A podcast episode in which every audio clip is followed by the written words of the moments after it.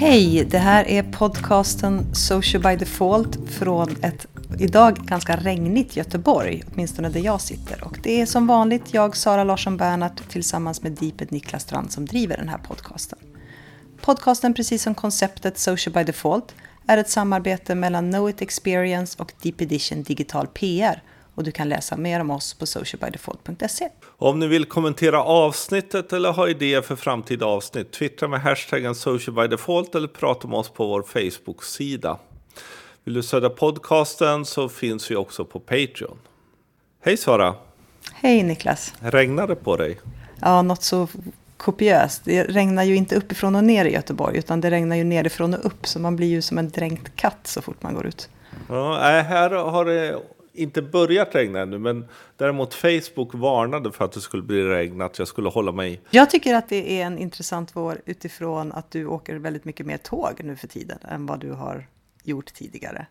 Ja, nu är det ju ute att jag eh, kommer jobba en bit av min tid med JMV Gollin. Mm. JMV har ju, jobbade jag med för fem år sedan och eh, var där och nu ska jag tillbaka dit på en deltid och jobba som planner. Mm. Med insiktsarbete och liknande. Vilket innebär att två dagar i veckan så kommer du gå upp sådär okristligt tidigt för att ta tåget mellan Falun och Stockholm. Ja, precis. 5.30 eh, går tåget från Falun. Så i två mm. månader till får jag ta det. Sen kommer jag ju tjäna in en halvtimme när jag bor i Borlänge. Men så är det. Eh, vad innebär det för oss då? Egentligen ingen större förändring mer än att eh, jag har svårare att kontakta dig 40 procent av tiden. Ja, Nej, men vi fortsätter ju som vanligt. Precis. Eh, samarbetet handlar ju mellan eh, mitt bolag Knowit Experience, eller där jag är anställd, och ditt bolag Deep Edition Digital PR. Den stora delen av tiden är ju Social by Default fortfarande mm. i mitt fokus. Och det här är liksom en, en möjlighet jag fick i och med förändringarna och som jag tror kan vara jättespännande framöver för oss också. Jag tycker det är fantastiskt roligt. Det blir ju en omställning, men eh, det kommer bli en bra omställning tror jag. Så, så, så är det, men helt enkelt för det är en del som faktiskt säger, jaha, ska ni sluta nu då? Utan vi slutar inte, det finns inte på kartan, utan vi har en fantastisk resa på gång med Social by Default och tillsammans. Så det blir kul. En av de sakerna vi gör är ju att vi har inriktat oss mycket runt disposable media och hela den delen. Och mm. har en ny kurs som vi kommer köra. Och det är ju spännande för det har ju verkligen pratats mycket om det. Ja, det har ju blivit en utveckling från att vi har varit vana att skapa innehåll som vi sparar till att faktiskt nu skapa innehåll som kommuniceras här och nu och sen inte sparas eller inte har är aktuellt när det är klart. Nej, det är ju väldigt mycket mer superlive i liksom stories-funktionerna som nu finns typ överallt känns det som. Mm. Och sen är det ju också den intressanta att gången från textbaserat till bildbaserat, eh, där liksom kameran har blivit det nya tangentbordet på många sätt. Också en ganska intressant berättelseform. Någonting som gjorde mig lite sådär, både glad men ändå lite ledsen, är ju Instagrams uppdatering nu med live. För förut var ju superlive på Instagram verkligen superlive och disposable.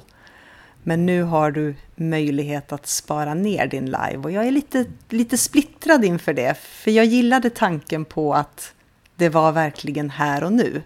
Ja, jag, jag kan ju se fördelen med det, till exempel eh, när man faktiskt gör ett bra live-sändning, eh, att man kanske vill ändå att fler ska se det, för det är ju en timing som handlar Men jag håller ju med dig, det fanns en otrolig cool Lite känsla. Lite kittlande.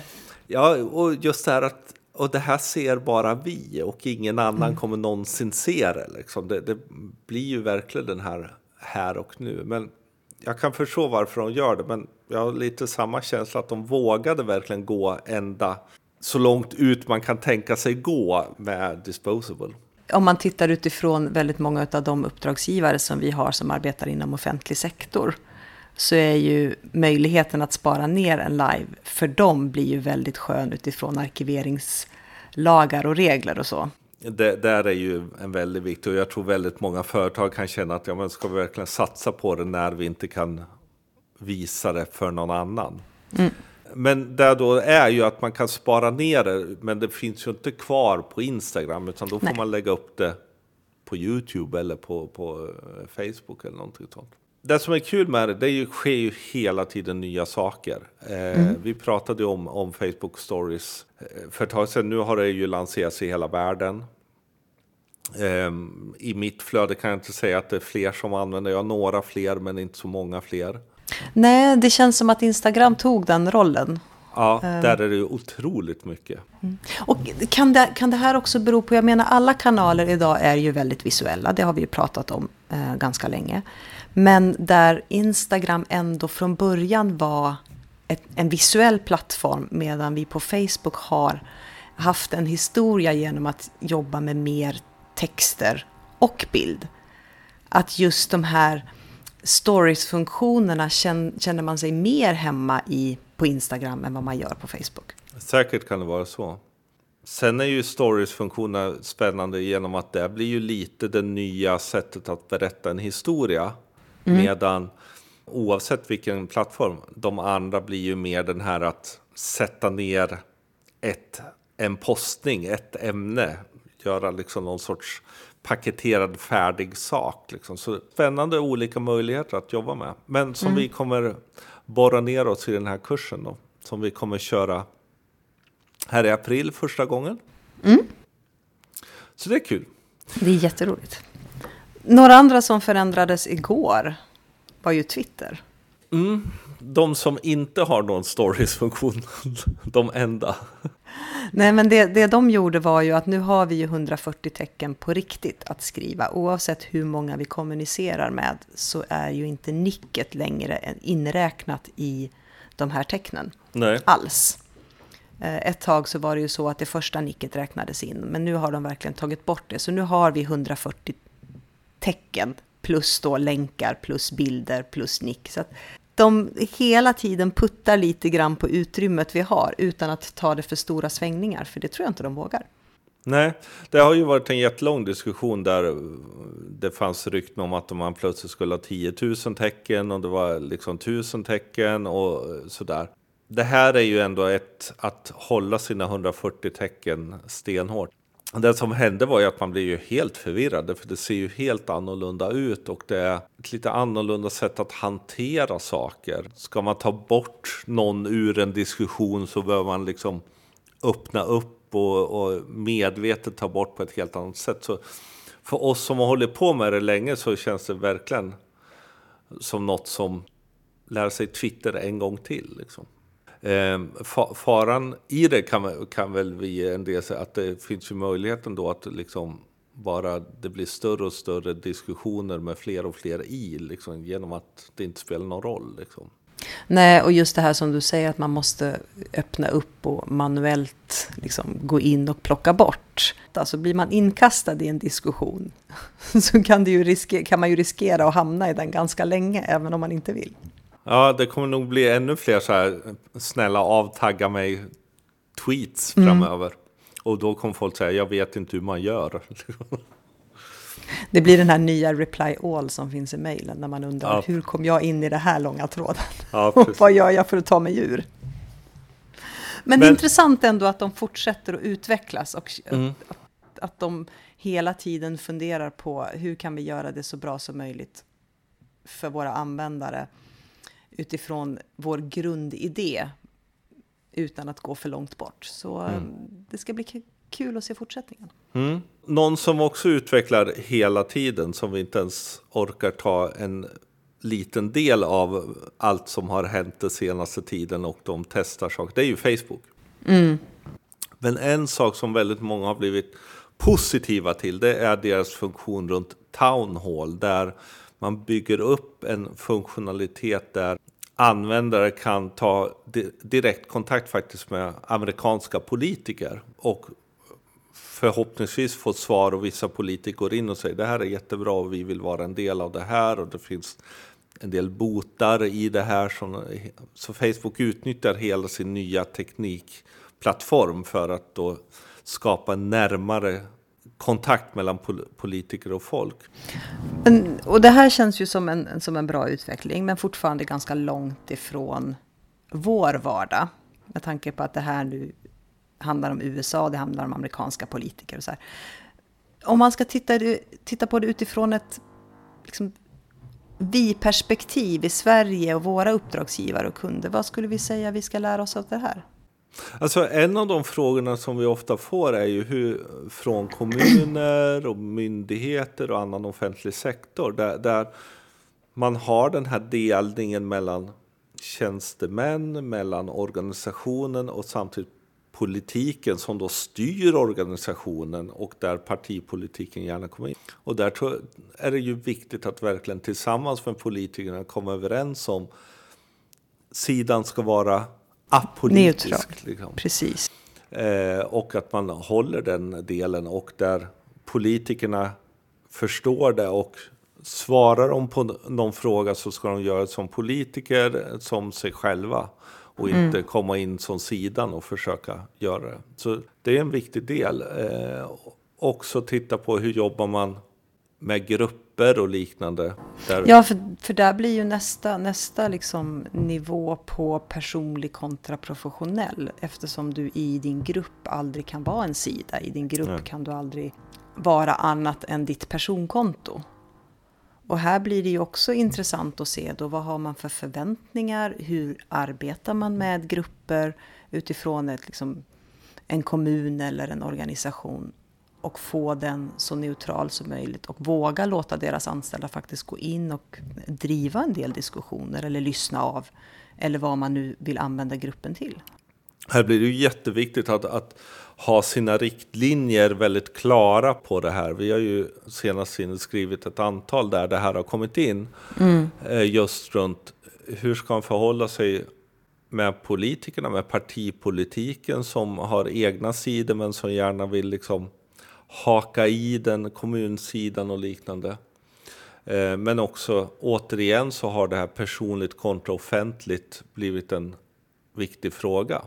Det är ju ganska intressant tycker jag ändå utvecklingen och se hur, hur Facebook som från början kanske var liksom vårt privata vardagsrum där vi hade mest kontakter med våra närmsta eller ex-pojkvänner eller flickvänner och sådär till att faktiskt ha blivit en arena där väldigt mycket politik diskuteras.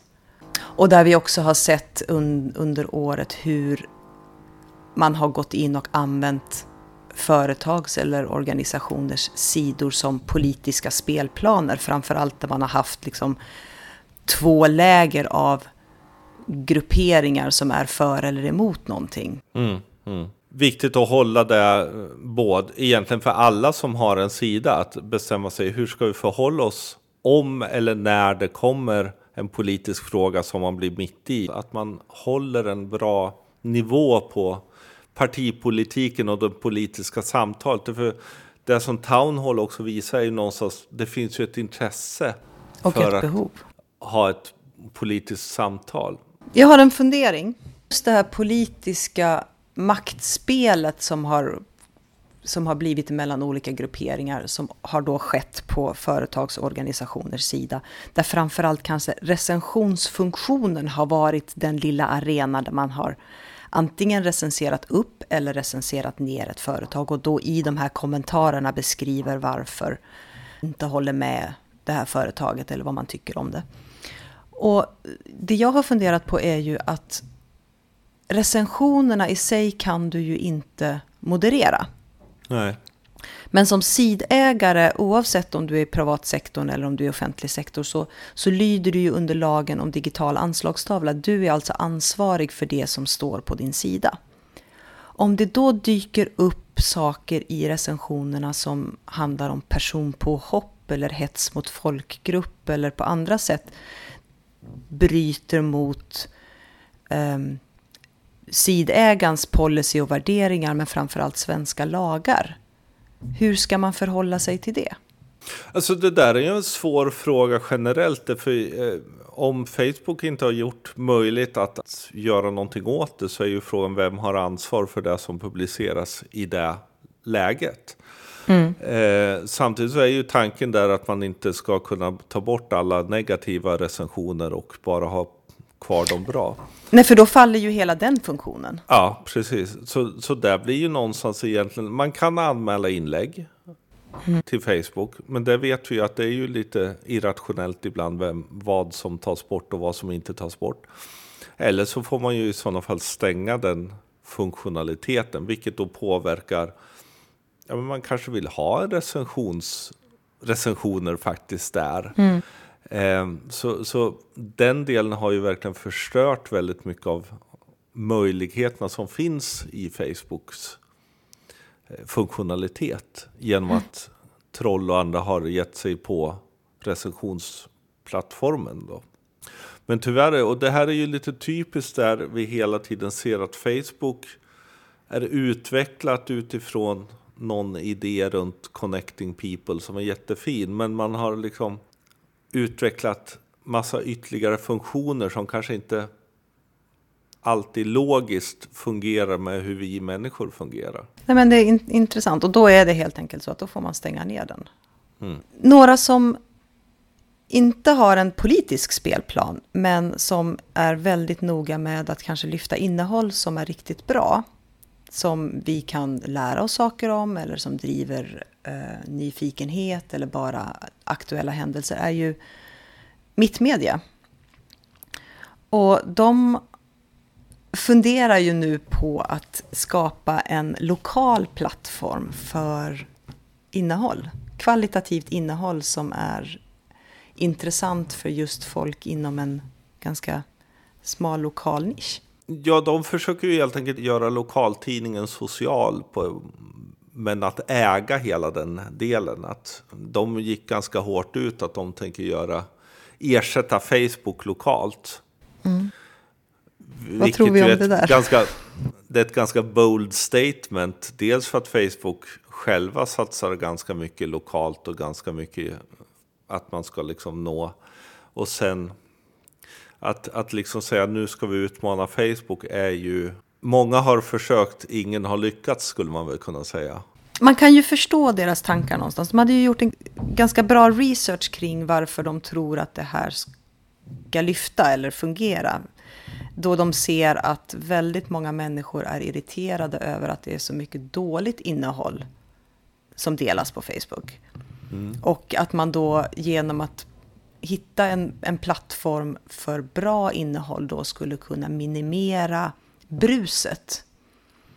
Svårigheten tror jag är ju att det handlar inte om innehållet i sig, utan det handlar om att det måste till en beteendeförändring. För om vi är vana vid att gå in på Facebook, om vi då ska förflytta den vanan till att gå in någon annanstans, det tror jag snarare är den tuffaste pucken kontra det innehåll man producerar. Återigen, hur ska de eh, finansiera det? Eh, och liksom faktiskt tjäna pengar på det här. Jag menar för Facebook handlar det om att de har ett otroligt väl smort annonsnätverk. Mm. Men i det här så hamnar man i en, så att säga, i en väldigt mycket mindre utbud av lokala annonser och vad kommer hända där? Och kommer man då tycka det är värt det när det kommer liksom halvbra annonser från butiken om hörnet med splashar? Liksom, kommer vi tycka att det är värdefullt jämfört med Facebook? Och jag funderar lite grann på jag menar, jag är extremt sällan, och det är mitt eget beteende såklart, jag är extremt sällan inne på rena nyhetssajter. Utan jag kommer dit via sociala kanaler. Och om, om nu Mittmedia öppnar en, en plattform för, för bra innehåll, hur ska de driva trafiken dit? Det lär ju bli genom sina Facebook, för oavsett hur, hur illa faktiskt en hel del mittmediaföreträdare gärna pratar om Facebook, så är det ju Facebook som driver väldigt mycket av deras trafik och det kan de ju erkänna själva många gånger. Så det kommer ju bli att man försöker utnyttja Facebook för att då flytta folk till en egen plattform. Men vad, hur, hur skapar man ytterligare engagemang för att få fler läsare dit? Ja, men då blir det hela tiden att man behöver använda där vi är. Så ja, jag tror det är det ska bli spännande att se hur de gör. Mm. Mittmedia har är ju som tidningsföretag ett av de som har liksom varit tidiga på att titta på digitalisering, har varit ändå positiva även om de ser liksom Facebook som den stora eh, tjuven av annonspengar. Men positiva till sociala medier. De har växt väldigt mycket och är väldigt långt på digitalisering. Så självklart, alltså de har musklerna och möjligheterna och också idén att åtminstone testa det här. Jag undrar om det kommer gå. Det, har gjorts, det gjordes tidigt i sociala medier-svängen tester på hyperlokalt innehåll, hyperlokala plattformar och så som mm. inte, inte flög. Det kanske är nu som läget är och skulle de lyckas så är det ju helt klart en indikation att Facebook börjar tappa i värde. Nej, men det, det jag funderar också på, vad är det för någonting vi har sett nu de senaste åren? Jag menar, Kit gjorde, har ju förändrat sitt sätt att, att dela med sig av nyheter, men snarare gjort en pivotering in mot, okej, okay, hur ska vi kunna nyttja sociala medier för att få ut det mm. vi gör på bästa sätt? Alltså egentligen någonstans en, en motsats till mot vad mitt media ska göra. Mm. För går man in på kit.se så, så är det ju väldigt svårt att navigera runt och hitta, utan det är ju snarare det vi får till oss i kanalerna. Omni var ju en av de tidigare egentligen kuraterade plattformar som en app som suger in det som är mycket delat och det vi pratar om för att då ge oss en möjlighet att få allting samlat men vi behöver drivas någon annanstans. Mm. Så det är ju egentligen tre ytterligheter vi ser här men där sociala medier är kanske den gemensamma nämnaren för att det är här vi konsumerar mycket, mycket innehåll. Det är här vi tar till oss mycket av det som händer i världen och det är också där vi får många artiklar till oss. Spelet är ju också gentemot då Facebooks Instant Articles och Google AMP som är då liksom system där istället för att man har en egen plattform lägger man det mer eller mindre på plattformen, även alltså hela artiklarna, mm. vilket innebär att man förlorar då annonsintäkter och så. Så spelet ligger ju för media självklart trafikdrivande kontra att ge bort sitt innehåll. Men det här är ju också en fråga som vi möter i allt vårt arbete. Liksom. Hur kan vi få folk att komma till oss? Mm. Eftersom vi fortfarande har en konvertering på vår, på vår webbsida. Vi har konverteringar på våra egna plattformar. Vi räknar ofta konvertering någonstans som, där vi har som kontroll. Som beviset på att vi har lyckats. Ja. Eh, och, och det här blir, blir ju liksom en, en utmaning. Ju mer Facebook och Google och de andra faktiskt vill äga också innehållet och undvika för mycket förflyttningar. Mm hur vi ska förhålla oss till det. Jag menar, vi har liksom stora system där det handlar om att bygga landningssidor för att på så sätt konvertera eh, kunder. Facebook är inte helt positiv till det. Men Facebook vill ju också att vi ska stanna på Facebook.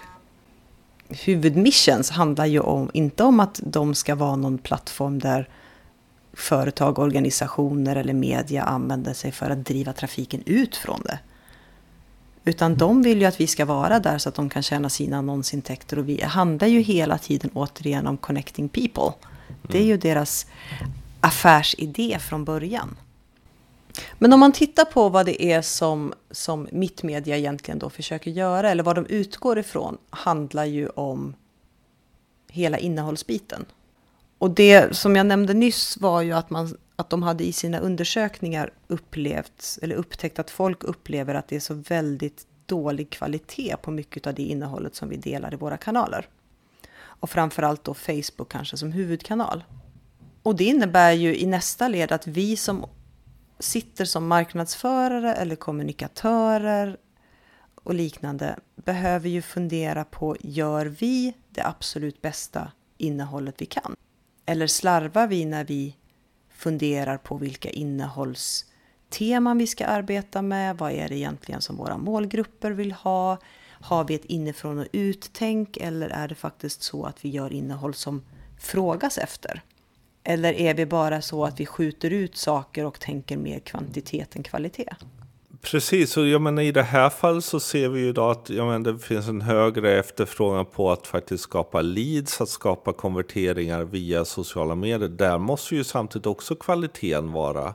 Vi kan ju inte bara tänka oss att ja, men det, det har alltid gått att göra splasha, så då gör vi det på Facebook också, utan det handlar ju om att hela tiden sälja smart, att sälja bra och skapa ett innehåll som gör att ja, men shit, det här vill jag vara med om, det här vill jag uppleva, det här vill jag följa. Hur ska, man, hur ska man tänka då? Om det är så att vi behöver göra x antal uppdateringar på Facebook. Vi har bara en produkt eller en tjänst som vi, som vi säljer. Hur ska man kunna bredda det innehållsspektrat vi har för att inte då landa i att vi alltid gör samma sak. Där har ju du och jag under de senaste åren byggt en, en sorts matris av, av olika innehållsformat som, som är viktigt. För börjar man titta på det man har, där man, liksom på företaget och sin produkt så finns ju ofta jättemycket att berätta om. Mm allt från liksom hur tänkte man när det blev till, hur kan man använda det, vad finns det för ytterligare? Och många gör det. Jag menar, har man, jobbar man med matdelar så jobbar man med recept och liknande. Sådär. Att, att det är, i alla delar försöka hitta storyn och storytellingen runt produkten. För det vi kan se är ju att väldigt många är otroligt duktiga på att prata om badet. Vad vi gör, vad vi säljer, vad vi har för information vi vill få ut. Och det är ju information liksom. Mm. Det behöver vi också arbeta med. Men det är ju egentligen hur vi gör det eller hur saker används eller hur det underlättar i min vardag. Eller hur den här produktionsprocessen går till som är mycket mer utav storytelling-biten, mycket mer utav content-biten och sen kanske till och med varföret där vi kan lyfta in mycket passion, vi kan lyfta in liksom allt det här som landar i varumärkets existensberättigande eller vårt existensberättigande som blir det som blir intressant att lyfta för att lära känna, för att våra målgrupper egentligen ska lära känna oss mycket bättre. Och jobba med flera olika sätt att visa det. Därför vi har pratat mycket om rörligt, vi har pratat mycket om bilder, vi, vi har så här, att tänka att okej, okay, en del av de här grejerna kan vi göra det rörligt. Därför vi behöver mixen och uppleva saker på olika nivåer så att inte vi fastnar i ett format hela tiden. Därför allt rörligt blir inte heller roligt. Om allt blir, om allt blir film så kommer vi inte heller vilja konsumera det. Och vissa av oss vill inte se film, andra vill se film. Så att man mm. hittar den mixen och vågar göra, ibland göra film runt mer opinionsdrivande delar i, i sitt innehåll. Och ibland gör man bilder, en bildserie om kunskap och sådana saker. Så att det finns hela tiden att man behöver mixa upp det hela. Titta på bredden, titta på djupet och utgå egentligen ifrån behoven hos målgrupperna. Men det här landar ju väldigt mycket i en av de frågor som vi ofta också får. Jag menar, hur ska vi tillsätta resurser för det här? Det är, ju, det är ju rätt intressant, för om man tittar på det innehåll egentligen som skapar mest engagemang, så är det ju det innehåll som vi har lagt mest tid på att förbereda och researcha runt innan, kontra tiden som vi faktiskt har använt för att skapa innehållet. Och där handlar det ju om förståelse för målgrupper, väldigt mycket. Att vi ska förutsätta och förstå vad det är de frågar efter och vad de vill ha. Det handlar också om att för, liksom, titta till omvärlden. Hur kan vi antingen lyfta någonting som händer just då, som landar i vår affär och som det är någonting målgrupperna vill ha. Eller funkar det vi gör nu i den kontext som världen är i? Så det handlar ju om att man behöver ju ha en, en person eller åtminstone en stor del av den tid man arbetar med som faktiskt handlar om omvärldsbevakning och målgruppskännedom. Precis, så att lägga tid på att både att eh, just göra research men sen också att, att, ta hand om innehållet i efterhand. Så att produktionen är ju kanske sånt som, jag vet inte, antingen att man faktiskt kan försöka hitta, ska man göra en film kanske man inte ska göra den själv utan man, man har någon som gör filmerna åt sig för att de ska bli bra sådana saker och man själv paketerar, bygger det, man vet vad man vill ha och sen tar hand om det. Eftersom engagemang och kom konversation är viktigt framöver också. Och sen handlar det ju också om i, i nästa led då när man har hittat de här olika innehållsformaten, man har researchat, man har lärt känna målgrupperna och liknande. Att när man väl har skapat innehållet, att fundera på hur ska vi plantera det nu i kanalerna i rätt tid och framförallt vilken, vilka delar av det här innehållet ska vi betala för att få synlighet och vilka delar av innehållet ska vi arbeta med mer taktiskt spridningsmässigt så att det får en organisk spridning. Det handlar ju hela tiden om balansen mellan köpt, targetad och vanliga uppdateringar som, som vi låter liksom växa själva. Mm. Och här ser vi ju att köpt blir ju inte ett komplement framöver utan faktiskt en del av vardagen. Att man behöver lägga en del budget på att hela tiden jobba gentemot rätt målgrupp att köpa. Och idag finns så otroligt många möjligheter i köpt både olika format och eh, saker att göra för en ganska liten peng. Alltså mm. Facebook framförallt är fortfarande väldigt billigt eh, att göra saker på. Eh, och framförallt om man då inte fastnar i det gamla sättet att hela tiden söka räckvidd, räckvidd, räckvidd utan faktiskt nå hela tiden tänka ja men jag vet ungefär vilka jag vill nå. Jag ser till att försöka nå dem inte för att nå så många som möjligt för att nå några, utan nå verkligen den gruppen. Då börjar man ju jobba med det här på ett riktigt, riktigt professionellt sätt. Och det ser vi ganska många företag som börjar lyckas med och medvetet jobba med köpt som ett verktyg istället för som ett komplement som man ibland måste ta till. Liksom. Och här läste eh, jag någonting, du delade det till mig via Twitter. Eh, just det här när det gäller köpt pay to promote unicorns and not donkeys. Vilket helt enkelt säger att du kan inte, du måste också värdera vilket innehåll du köper upp. Så att du inte bara köper, återigen köper för köpandets skull för att försöka få en högre synlighet och en högre räckvidd. Utan se till att ni lägger pengar på just det som ni vet, det här är så bra att fler skulle kunna vara intresserade så att vi får en ännu större spridning på det genom interaktionerna. Mm. Och jag tycker den där är utmärkt, för det är generellt också för innehåll, när man tänker innehåll. Att, jag menar, när vi pratar målgrupp, ja, men tänk på, försök göra innehåll för dem som ni egentligen för sig själv. Eller, eller så här, det här skulle jag, om jag var målgrupp, eller jag är passionerad för min produkt, vilja läsa. Det här skulle jag vilja se.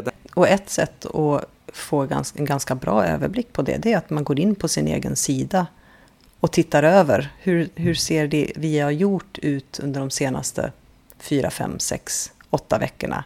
Vad är det för bilder vi delar? Och fundera på, hamnar vi i flera olika innehållsformat? Eller är det så att vi är ganska strömlinjeformade och bara pratar om en sak hela tiden?